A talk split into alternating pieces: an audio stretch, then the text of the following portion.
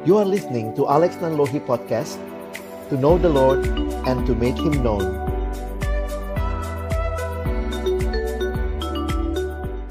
Bapak Surgawi, kami mohon uh, hikmat dari Tuhan ketika kami kembali akan mempersiapkan pelayanan kami. Waktu kami akan membuka firman-Mu, bukalah juga hati kami. Jadikanlah hati kami seperti tanah yang baik.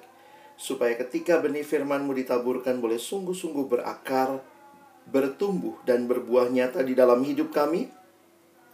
Sebelum pada akhirnya Tuhan pakai kami juga melayani anak-anak yang Tuhan percayakan di dalam sekolah minggu di GKI Kavling Polri. Waktu ke depan kami persembahkan ke dalam tangan pengasihanmu dalam nama Yesus kami menyerahkan persiapan kami. Amin. Ya. Baik, selamat siang teman-teman sekalian. Ya, bersyukur buat kesempatan ini. Saya coba share screen sebentar. Uh, nampaknya baru selesai acara dengan orang tua ya. Happy Mother's Day katanya. Baik. Hari ini hari ibu menurut uh, menurut International Mother's Day. ya, uh, tema kita adalah dipilih untuk memberitakan. Sebenarnya cuma dua ayat. Mungkin saya kasih sedikit latar belakang, lalu beberapa pembahasan. Selebihnya, Bapak Ibu Saudara, rekan-rekan sekalian ya, uh, harus memikirkan bagaimana menyampaikan ke anak-anak bagaimana ini bukan sekadar sebuah uh, teori tetapi juga jadi kehidupan mereka di semua jenjang kelas yang dipimpin. Dua ayat ini diambil di kisah Rasul 1 ayat 8 dan 9. Firman Tuhan berbunyi demikian. Tetapi kamu akan menerima kuasa kalau Roh Kudus turun ke atas kamu dan kamu akan menjadi saksiku di Yerusalem dan di seluruh Yudea dan Samaria sam dan sampai ke ujung bumi. Sesudah ia mengatakan demikian, terangkatlah ia disaksikan oleh mereka, dan awan-awan menutupnya dari pandangan mereka. Dalam konteks ini, ya, kenaikan uh, Yesus ke surga, kalau kita lihat, dan ini juga jadi bagian penting di dalam uh, kronologi pelayanan Yesus. Dia bukan hanya lahir, bukan hanya melayani, mengajar, dia bukan hanya menderita, mati, dan bangkit, namun dia naik ke surga. Lalu kemudian kita masih menantikan kedatangannya yang kedua kali. Kalau kita perhatikan sebenarnya di dalam ayat ini kita harus lihat konteksnya. Kalau mungkin uh, Bapak Ibu sekalian ingin lihat konteksnya, sebenarnya murid-murid bertanya pada Yesus, Tuhan, maukah engkau pada masa ini memulihkan kerajaan bagi Israel? Lalu Yesus menjawab di ayat 7, kamu tidak tahu kapan masanya dan seterusnya. Lalu ayat 8 ini menjadi bagian tetapi kamu. Jadi kalau kita baca masa tiba-tiba kata tetapi dari mana kata tetapinya ya? Dari ayat 7 dan ayat 7 adalah menjawab pertanyaan ayat 6 murid-murid berpikir tentang kerajaan dalam arti fisik, teritorial, dan mereka merasa Mesias yang datang ini akan memulihkan kerajaan Israel. Tetapi Yesus tidak menjawab pertanyaan itu dengan teritorial, tetapi Yesus berkata bahwa kamu tidak tahu, uh, tidak perlu tahu begitu ya kapan masanya dan waktunya, tetapi apa yang menjadi tanggung jawab para murid. Makanya ayat 8 ini bisa kita kaitkan dalam kaitan Yesus terangkat ke sorga berarti bagian Yesus di dunia pada masa itu sudah selesai dan kemudian misi ini harus diteruskan oleh para murid. Yesus terangkat ayat 9 dulu kalau kita lihat ya.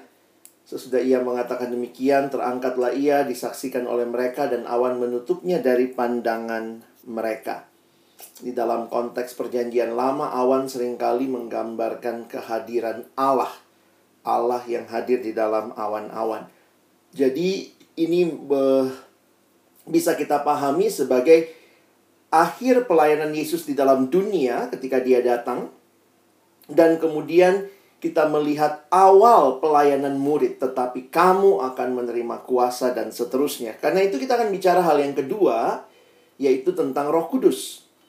Kalau tadi kita bicara tentang Yesus terangkat ke surga, maka saudara perhatikan, Penting sekali ketika Yesus terangkat ke surga, dia naik maka Roh Kudus turun. Roh Kudus diberikan kalau kita perhatikan dalam konteks tugas murid-murid.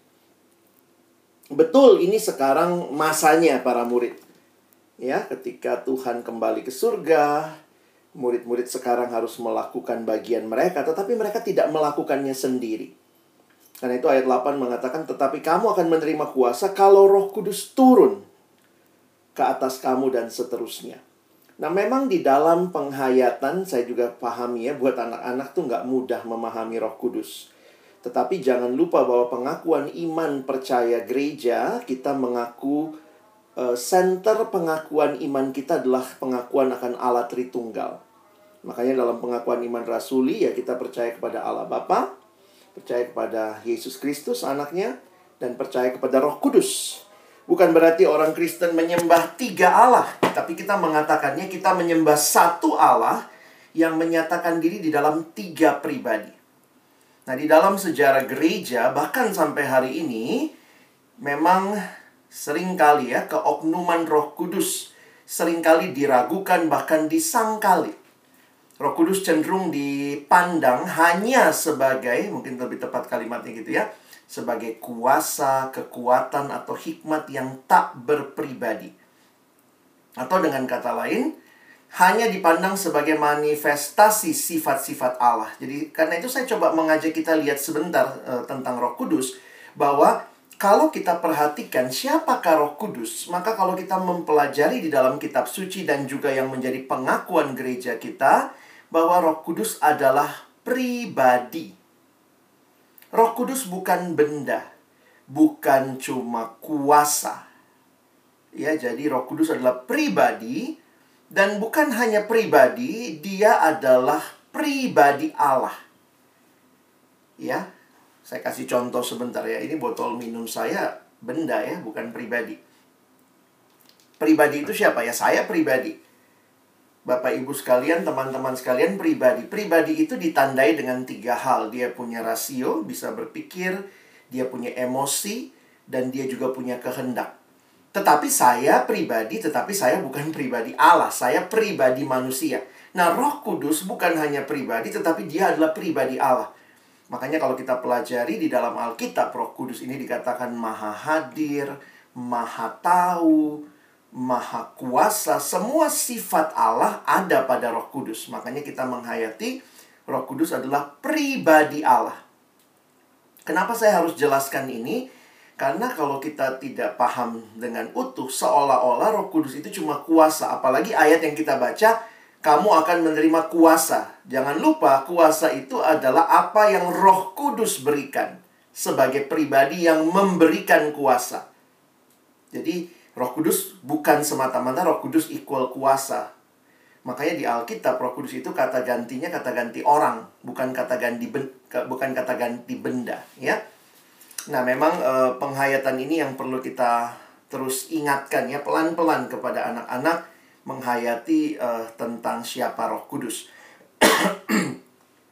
nah, di dalam timeline eh, waktu kalau kita perhatikan Allah yang satu itu menyatakan diri dalam tiga pribadi dan memang secara kronologis dalam sejarah kita bisa mengatakan di perjanjian lama misalnya eranya Bapa begitu ya. Tapi sekali lagi bukan berarti nggak ada Yesus, nggak ada nggak ada Roh Kudus, tetapi uh, secara uh, fungsi dan uh, karya kita melihat kepada Bapa, lalu perjanjian baru kepada Anak Yesus, dan kemudian kita lihat Yesus kan naik ke surga ya itu yang kita hayati. Dan kemudian uh, masuklah era gereja atau dikatakan Roh Kudus dan kita masih menanti Yesus akan datang kedua kali. Jadi makanya kita menghayati di dalam uh, gereja bahwa Roh Kudus ini berkarya. Ya, apa yang Roh Kudus lakukan ya Roh Kudus memberikan kuasa, Roh Kudus memimpin, Roh Kudus menyertai. Nah, itu semua istilah-istilah yang kita bisa pahami tentang apa yang Roh Kudus berikan bagi gerejanya. Nah, dalam ayat yang kita baca, Roh Kudus memberikan kuasa. Nah, saya langsung ngajar kaitkan.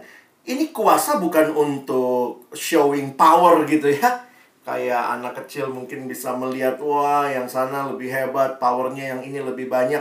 Tetapi kuasa yang diberikan di dalam sebuah tugas untuk bersaksi.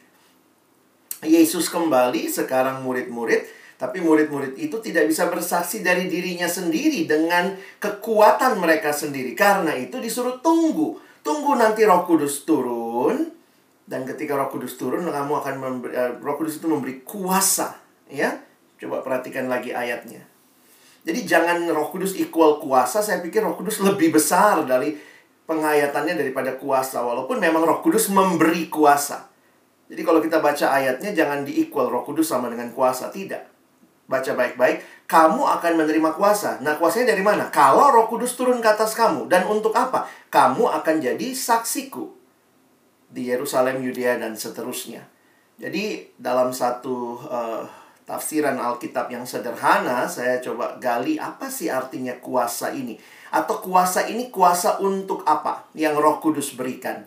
Nah sebenarnya Bapak Ibu Saudara bisa baca sepanjang kitab kisah Rasul Memang ada uh, pendeta John Stott mengatakan itu sebenarnya bukan kisahnya para rasul Rasulnya pun yang ditulis yang utama kan cuma Petrus di 10 pasal pertama Nanti kemudian masuk juga mulai dari pasal 9 Bahkan sudah mulai Paulus dan sampai akhir itu banyak tentang Paulus Makanya kalau John Stott mengatakan sebenarnya ini adalah kisahnya Roh Kudus.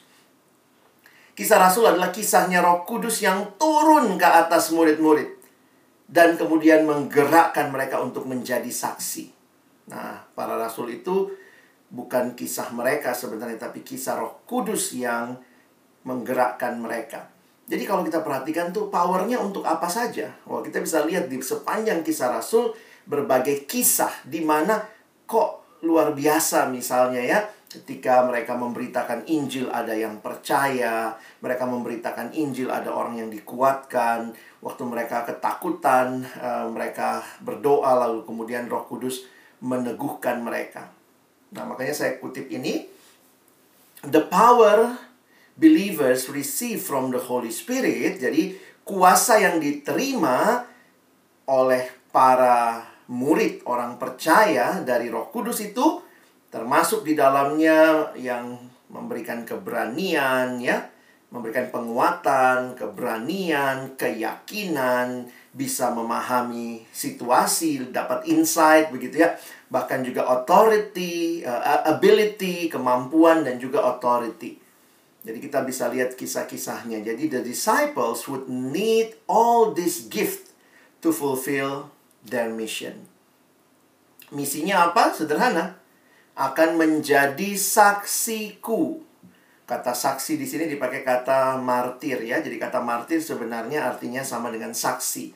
Cuma di kemudian hari mendapat tambahan karena dikaitkan dengan yang mati di dalam ketaatan kepada apa yang Tuhan katakan. Tapi sebenarnya semua saksi itu martir dalam arti kata bahasa Yunani. Dan kalau kita perhatikan, ini bukan hal yang baru. Sebenarnya Yesus sudah mengingatkan. Perhatikan di dalam Yohanes 15 ayat 26-27. Yesus berkata, Jikalau penghibur yang akan kuutus dari Bapa datang, yaitu roh kebenaran yang keluar dari Bapa, ia akan bersaksi tentang aku.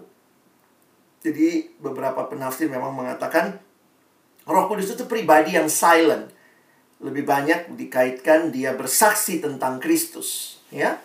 Tetapi kata Yesus, kamu juga harus bersaksi karena kamu dari semula bersama-sama dengan aku.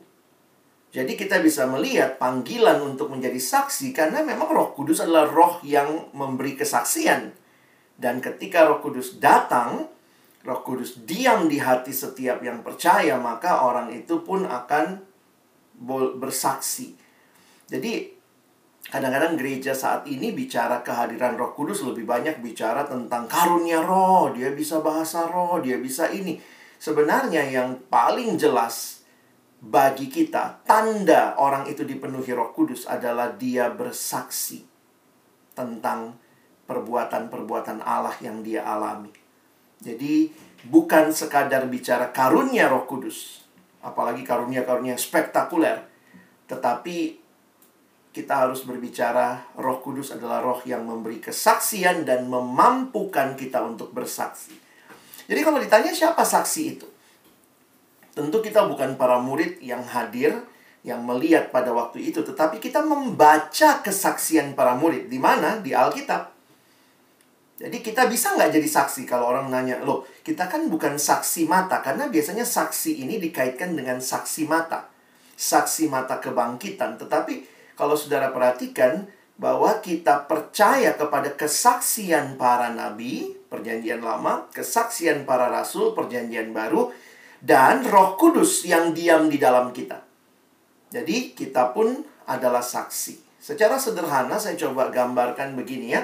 Saksi itu siapa yang bisa jadi saksi? Yaitu murid yang mengenal Yesus dan murid yang memperkenalkan Yesus. Jadi saksi itu adalah orang yang mengenal Yesus dan memperkenalkan Yesus. Dari mana kita kenal Yesus? Ya dari kitab suci, kita belajar, kita nggak lihat langsung. Tapi kita percaya pada kesaksian para rasul, para nabi. Dan kemudian kita pun rindu untuk memperkenalkan Yesus. Dan ini meliputi seluruh hidup. Bukan hanya perkataan. Bukan hanya verbal, tetapi seluruh kesaksian hidup kita adalah kesaksian yang memperkenalkan Yesus, merindukan orang lain boleh kenal siapa Yesus. Nah, jadi secara sederhana waktu saya pikir ya anak-anak sekolah minggu bisa jadi saksi. Ketika mereka belajar tentang Yesus dari Alkitab, cerita yang disampaikan oleh guru-guru dan kemudian mereka rindu temannya juga kenal Yesus. Katanya Yesus kemarin di sekolah minggu saya belajar dia Yesus yang menyembuhkan. Saya dengar mamamu sakit ya. Aku doain ya dalam nama Yesus gitu ya. Itu kan sebenarnya hal-hal yang sangat sederhana di dalamnya kita melihat bagaimana orang yang mengenal Yesus, biarlah benar-benar hidupnya itu pun memperkenalkan Yesus. Dan bagian terakhir ayat ini ditutup dengan bersaksi di mana pun. Kalau saya fokus sebenarnya ayat 8 ya. Perhatikan uh, geografis yang disampaikan. Tapi kamu akan menerima kuasa kalau roh kudus turun ke atas kamu dan kamu akan menjadi saksiku mulai dari Yerusalem. Itu satu kota. Yudea, satu provinsi, Yerusalem itu ada di provinsi Yudea. Samaria, provinsi tetangga, dan kemudian sampai ke ujung bumi. Nah, beberapa penafsir uh, ya banyak yang memperdebatkan apa maksudnya ayat ini. Apakah ini sekadar bicara geografis ataukah ini sekedar berbicara dari Yahudi kepada bangsa-bangsa non-Yahudi? Buktinya ini kan daerah-daerah Yahudi ya, khususnya Yerusalem, Yudea itu kan daerah Yahudi. Lalu kemudian ke Samaria itu Yahudi campur, half blood. Lalu kemudian sampai ke ujung bumi orang-orang yang bahkan bukan Yahudi sama sekali. Ya, ada yang mencoba menafsirkan begitu, tetapi bagi saya uh, waktu mempelajari karena ini ada dalam konteks kisah rasul, saya pikir kita perlu juga memperhatikan bagaimana kisah rasul secara utuh. Makanya uh, beberapa penafsir mencoba mengajak melihat begitu ya bahwa ayat ini membingkai seluruh kisah Rasul. Coba misalnya lihat nanti pasal 2. Itu Roh Kudus turun di Yerusalem. Nah, itu kisah Rasul 2 Penta Costa. Lalu tersebar, tersebar, tersebar. Nanti kisah Rasul 8 Roh Kudusnya turun di Samaria. Coba nanti lihat kisah Rasul 8 begitu ya. Lalu kemudian di akhir itu sampai ke Roma. Kisah Rasul 28. Injil sampai ke Roma. Jadi kalau kita bayangkan itu ya. Nah, ini peta pada masa itu. Coba teman-teman perhatikan. Ini peta geografi yang ada di masa itu. Khususnya dalam masa kekaisaran Roma. Perhatikan paling kanan bawah itu Yerusalem. Betul? Paling kanan bawah Yerusalem, lalu kemudian ada Yudea, ada Samaria dan paling kiri atas itu Roma. Jadi ada penafsir yang mengatakan sesuai dengan pemahaman geografis waktu itu ujung bumi itu yang dilihat Roma. Dan itulah yang terjadi mulai dari kisah Rasul 2. Roh Kudus turun di Yerusalem, Yudea, Samaria dan sampai ke ujung bumi. Itulah yang terjadi ketika Paulus sampai di kisah Rasul 28, dia ada di Roma. Jadi kalau ditanya, sebenarnya ayat ini bicara apa ya? Kalau saya sih menafsirkan tadi ya, bahwa kita memberitakan Injil bersaksi di mana pun. Bahkan ada penafsir mengatakan, di mana ujung bumimu? Ujung bumi setiap kita persis di mana telapak kaki kita berpijak. Jadi maksudnya ya kita mulai jadi saksi ya. Jadi kita bisa tolong anak-anak untuk berbicara tentang mungkin kita kenalin ada misionaris di Afrika, ada misionaris di mana, tetapi biarlah mereka mulai jadi saksi di rumah mereka. Di keluarga, keluarga besar. Jadi dalam konteks yang sederhana mereka bisa jadi saksi mulai dari tempat di mana mereka hadir dan bahkan kalau Tuhan kasih kesempatan sekarang banyak medsos, banyak uh, anak-anak bisa bikin konten yang nonton bukan cuma orang Indonesia mungkin gitu ya sampai ke ujung bumi. Jadi saya pikir dengan konteks ini sekarang ya kita bisa mengajak mereka untuk menyaksikan apa yang mereka kenal tentang Kristus. Nah, ini yang tidak ada di dalam ayat ini tetapi ada di sepanjang kisah Rasul sebenarnya.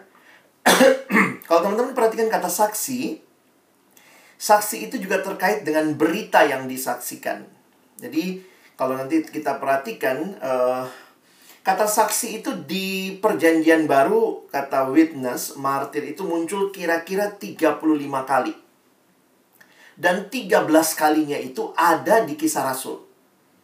Nah, di bagian-bagian awal kitab kisah Rasul, nanti teman-teman pakai konkordansi aja buka ya. Perhatikan, setiap kali bicara saksi itu dikaitkan dengan saksi kebangkitannya. Saksi-saksi kebangkitannya. Ketika pilih penggantinya Yudas, Nanti baca kisah Rasul 1 itu, mereka bilang kami harus cari penggantinya Yudas dan harus cari orang yang sudah bersama-sama dengan mereka sejak sebelum Yesus disalib gitu ya. Jadi itu bicara saksi kebangkitan. Nanti balik lagi lihat di pasal 2 saksi kebangkitan, pasal 4 saksi kebangkitan. Sampai kira-kira pasal 7 itu semua istilah yang muncul saksi selalu kaitannya dengan saksi kebangkitan. Karena mereka saksi mata. Karena itu kalau saya perhatikan, sebenarnya apa sih yang disaksikan? Yang kita saksikan itu adalah Yesus yang mati dan bangkit. Tentu semua berita tentang Yesus itu penting, ya. Semua berita tentang Yesus penting, tetapi kalau harus disamerikan lagi yang yang dianggap paling utama dari kehidupan Yesus adalah kematian dan kebangkitannya. Kenapa kita bisa menyimpulkan begitu? Nah, teman-teman nanti bisa lihat aja ya. Saya pakai satu analogi di mana di dalam Alkitab cuma empat Injil yang mencatat, uh, cuma ada empat Injil. Dan empat Injil itu cuma dua yang mencatat kelahiran Yesus, Matius sama Lukas. Tetapi semua Injil mencatat kematian dan kebangkitan Yesus. Itu empat-empat Injil ada. Bahkan nampaknya ceritanya itu semua fokus ke situ. Makanya waktu Paulus juga bicara di 1 Korintus 15, dia bilang begini. Sebab yang sangat penting telah kusampaikan kepadamu, yaitu apa yang telah kuterima sendiri bahwa, ialah bahwa Kristus telah mati karena dosa-dosa kita, sesuai dengan kitab suci, bahwa ia telah dikuburkan, dan bahwa ia telah dibangkitkan pada hari yang ketiga, sesuai dengan kitab suci. Dua kali diulang ya. Sesuai dengan kitab suci bahwa ia telah menampakkan diri kepada Kefas dan kemudian kepada kedua belas muridnya. Jadi bangkitnya bukan ilusi, karena dia menampakkan diri. Jadi ada saksi matanya. Waktu kita baca ayat bawahnya, bahkan Paulus bilang beberapa dari mereka masih hidup sampai hari ini. Kenapa ini penting? Karena saya juga kutip ya, pendeta John Stott mengatakan kalau kita lihat Injil berfokus kepada two events, two gospel events kematian Kristus dan kebangkitan Kristus. Makanya kalau kita bicara KKR biasanya yang kita beritakan itu ya tanda kutip kematian dan kebangkitan Kristus. Bukan berarti uh, tidak penting kelahirannya, kan kita rayakan Natal juga. Bukan berarti tidak penting pengajaran-pengajaran Yesus, tetapi memang puncak dari karya Kristus adalah kematian dan kebangkitannya. Dan inilah yang harusnya diberitakan tetapi juga kalau kita perhatikan waktu Paulus bicara ini, coba kita lihat sebentar. Paulus misalnya berbicara di Roma pasal yang ke-6. Roma pasal yang ke-6 di dalam ayat yang ke-11, maaf saya nggak tulis di depannya, tapi nanti teman-teman bisa lihat ya Paulus mengatakan demikianlah hendaknya kamu memandangnya bahwa kamu telah mati bagi dosa tetapi kamu dan hidup bagi Allah. Jadi kematian dan kebangkitan Kristus Paulus bawa dalam hidupnya dengan menghayati bahwa dia telah mati terhadap dosa dan dia hidup bagi Allah. Nah, makanya saya harus katakan bahwa apa yang kita beritakan, apa yang disaksikan oleh sang pemberita atau sang saksi itu, yaitu tentang Yesus. Yesus yang mati dan bangkit sebagai sebuah fakta sejarah, tetapi Yesus yang mengubah hidup kita dengan kematian dan kebangkitannya. Jadi, kita harus bersaksi dengan seluruh hidup kita ya. Baik perkataan baik tindakan. Jadi saya menyimpulkannya seperti itu. Karena kadang-kadang kan ada gereja yang sangat menekankan perlunya penginjilan verbal harus verbal. Yang satu bilang wah verbalmu bagus hidupmu nggak bagus orang juga nggak kenal kamu. Bagi saya jangan mengagungkan salah satunya karena Alkitab sebenarnya berbicara kedua-duanya. Melalui perkataan dan juga melalui seluruh kehidupan kita. Kita tidak bisa bersembunyi di balik perkataan kita. Kata-katanya bagus ya, tapi ternyata hidupnya berantakan. Demikian juga, jangan kemudian yang penting hidupnya bagus, tetapi nggak pernah secara verbal dilatih, diajarkan, ditolong untuk memberitakan Yesus yang mati dan bangkit. Jadi ayat ini yang saya rindukan teman-teman nanti boleh sampaikan kepada anak-anak kita, mengajak mereka untuk melihat bahwa ketika Kristus naik ke surga, Dia memberikan tugas kepada kita. Nah, tugas itu tidak kita lakukan dengan kekuatan kita sendiri, tetapi Roh Kudus yang turun, Roh Kudus yang diam di hati setiap yang percaya, memberikan kuasa bagi kita untuk hidup bersaksi, dan bersaksi itu melibatkan seluruh hidup kita, pikiran, perkataan, perbuatan, dan marilah kita menyaksikannya mulai dari mana Tuhan tempatkan kita dan sampai ke mana saja Tuhan utus kita. Mungkin itu yang saya bisa bagikan untuk siang hari ini. Silahkan kalau mungkin ada yang mau bertanya. Kalau tidak berarti kita udah selesai. Makasih.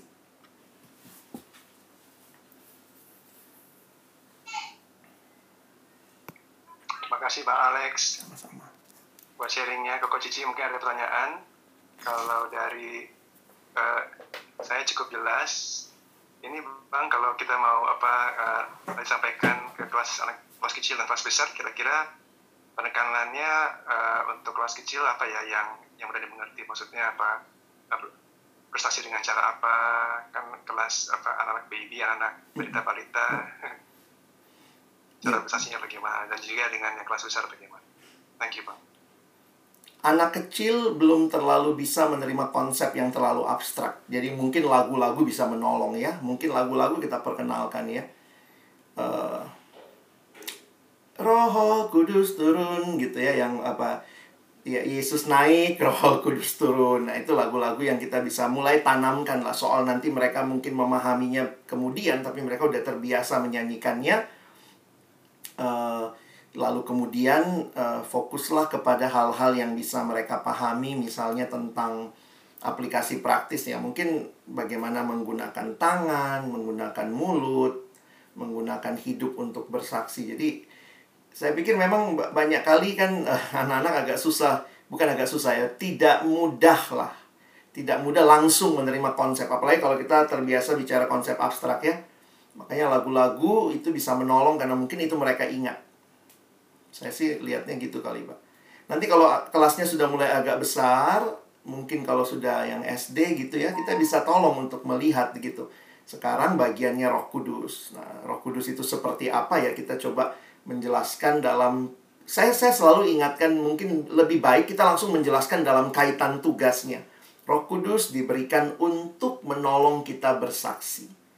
Jadi ketimbang menjelaskan Roh Kudus saja, ini Roh Kudus adalah ini ini bingung, ini apa sih yang dimaksud? Tapi kita kaitkan seperti ayatnya. Ayatnya bilang kan diberi Roh Kudus turun, diberi kuasa supaya kita bersaksi.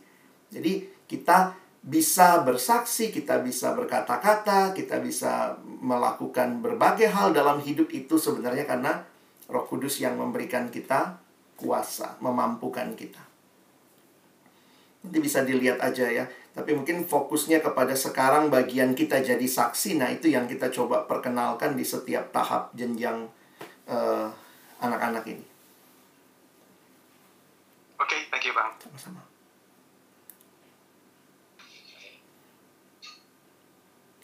Jika tidak masalah, saya nggak tahu biasanya ayat hafalan dari mana. Kalau saya sih merekomendasi ayat 8 ini ya. Lebih lebih relate lah sambil kita jelaskan mudah-mudahan mereka mulai menghafalnya.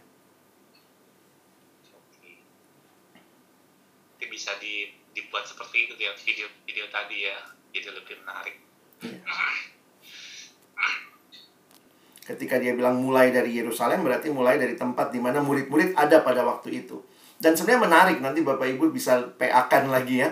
Itu lama juga di Yerusalem. Paling tidak dari kisah Rasul 2 sampai kisah Rasul 7 itu nggak Injil tuh nggak ke mana-mana ngendon di Yerusalem. Sampai Tuhan harus kasih penganiayaan Stefanus barulah Injil tersebar lagi. Makanya pasal 8 mulai ke Samaria dan seterusnya. Dan sampai di ujung bumi kisah Rasul 28 itu jaraknya dari kisah Rasul 2 kira-kira 30-an tahun. Jadi memang luar biasa ya ini kisah Lukas itu sejarawan hebat mencatat kisah dari sejarah 30 tahun Yesus naik ke surga, kisah Rasul 1, sampai Injil tiba melalui kehadiran Paulus sebagai tawanan di Roma. Itu 30 tahun juga. Makanya benar ya kisahnya Roh Kudus gitu karena rasulnya ganti-ganti.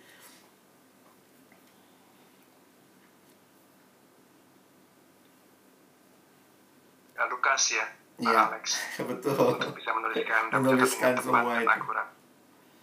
Dan ya Lukas kan pakai research ya kalau kita lihat ya. Nampaknya dia research, dia itu dia tulis di Lukas 1 ayat 1 sampai 4. Jadi metode research sah buat gereja.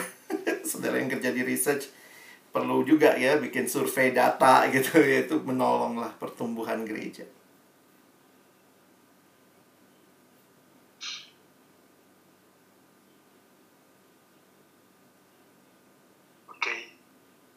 Thank Alex. Sama-sama. Ya, kalau jadi 13 Mei itu uh, hari Kamis ya, kita sebenarnya ada ada libur kenaikan Tuhan Yesus. Uh, waktu kenaikan buat anak-anak. Apa kita mau siapin uh, Kamis apa nih? Kamis sukacita buat anak-anak atau kita rapel di hari Minggu depan? Ininya kisah kenaikannya. Ah, okay. Saya tutup doa ya. Jadi sesudah ini nanti teman-teman bisa lanjut lagi. Mari kita berdoa. Yes, makasih. Tuhan terima kasih karena kami tidak dibiarkan sendiri. Engkau memberikan rohmu yang kudus di tengah kehidupan setiap kami yang percaya. Dan itu bukan supaya kami pamer kuasa roh kudus, kami pamer karunia-karunia kami, tetapi supaya kami bersaksi, menyaksikan tentang Yesus yang kami kenal, yang telah mengubahkan hidup kami. Dan terima kasih kalau pesan yang penting ini juga boleh kembali digemakan bagi anak-anak yang akan menerima pengajaran hari Minggu yang akan datang. Tuhan tolong setiap kakak-kakak, bapak ibu sekalian mempersiapkan dengan baik, menghayati betapa pentingnya berita yang penting ini. Berita Injil untuk didengar oleh semua bangsa. Dan biarlah kami mulai di tempat di mana Tuhan hadirkan kami masing-masing.